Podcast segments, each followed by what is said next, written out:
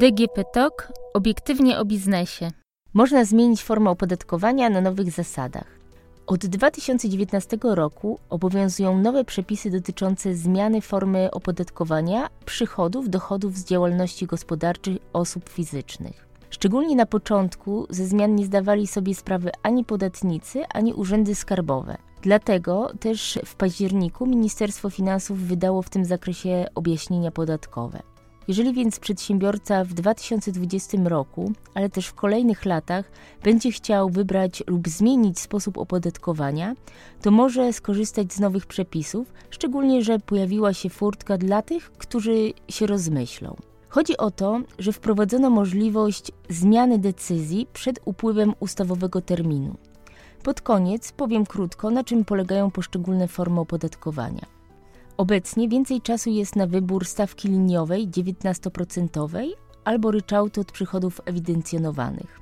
Podatnik może się na nie zdecydować, składając pisemne oświadczenia do 20 dnia miesiąca następującego po miesiącu, w którym osiągnął pierwszy w roku podatkowym przychód, albo do końca roku, jeżeli pierwszy taki przychód osiągnął dopiero w grudniu. Bez zmian pozostał termin wyboru karty podatkowej. Wniosek w tym zakresie składa się przed rozpoczęciem działalności gospodarczej, a w przypadku kontynuujących swój biznes do 20 stycznia.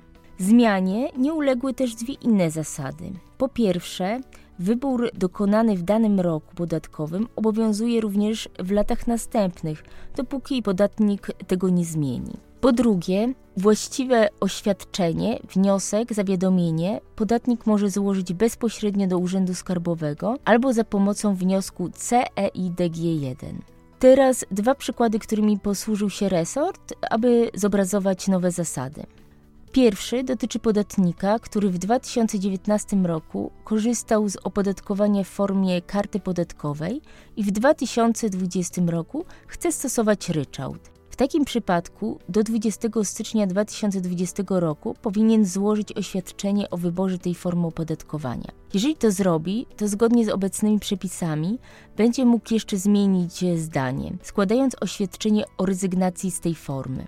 Jeżeli na tym oświadczeniu poprzestanie, jego dochody będą opodatkowane na ogólnych zasadach według skali podatkowej. Może jednak nadal wybrać opodatkowanie dochodów z pozarolniczej działalności gospodarczej według 19% stawki. Na dokonanie ostatecznego wyboru podatnik będzie miał czas do 20 dnia miesiąca następującego po miesiącu, w którym osiągnął pierwszy przychód w roku podatkowym, albo do końca roku, jeżeli pierwszy taki przychód osiągnie w grudniu. Jeżeli więc przedsiębiorca osiągnie pierwszy przychód w styczniu, to będzie miał czas do 20 lutego na ostateczny wybór formy opodatkowania. Kolejny przykład dotyczy podatnika, który w styczniu rozpoczął działalność i we wniosku CEIDG1 wybrał ryczałt ewidencjonowany, a pierwszy przychód osiągnął w lutym. W takiej sytuacji do 20 marca może jeszcze zrezygnować z ryczałtu. Będzie to równoznaczne z opodatkowaniem według skali podatkowej, chyba że podatnik złoży oświadczenie o wyborze stawki liniowej 19%.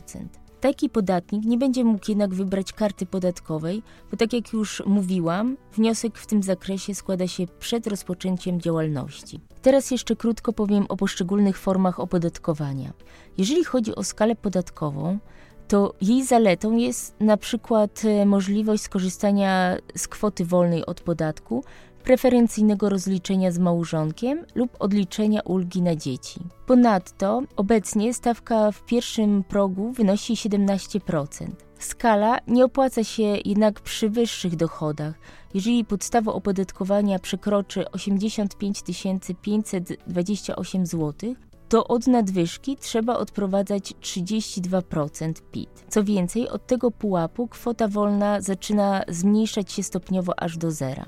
Dla więcej zarabiających lepsza może się okazać jednolita stawka podatku 19%. W tym przypadku nie ma możliwości ani rozliczania się z małżonkiem, ani odliczania ulgi na dzieci. Prostą formą opodatkowania jest ryczałt od przychodów ewidencjonowanych. Podatnik wprawdzie nie odlicza kosztów jak w przypadku poprzednich dwóch form, ale do przychodu może zastosować preferencyjną stawkę od 2 do 20%, przyporządkowaną y, do rodzaju prowadzonej działalności. Jest y, kilka ograniczeń. Obowiązuje m.in. próg przychodów 250 tysięcy euro. W 2020 roku tę formę rozliczeń będą mogli wybrać podatnicy, prowadzący działalność gospodarczą, którzy w 2019 roku uzyskają przychody nie wyższe niż 1 milion 93 350 zł.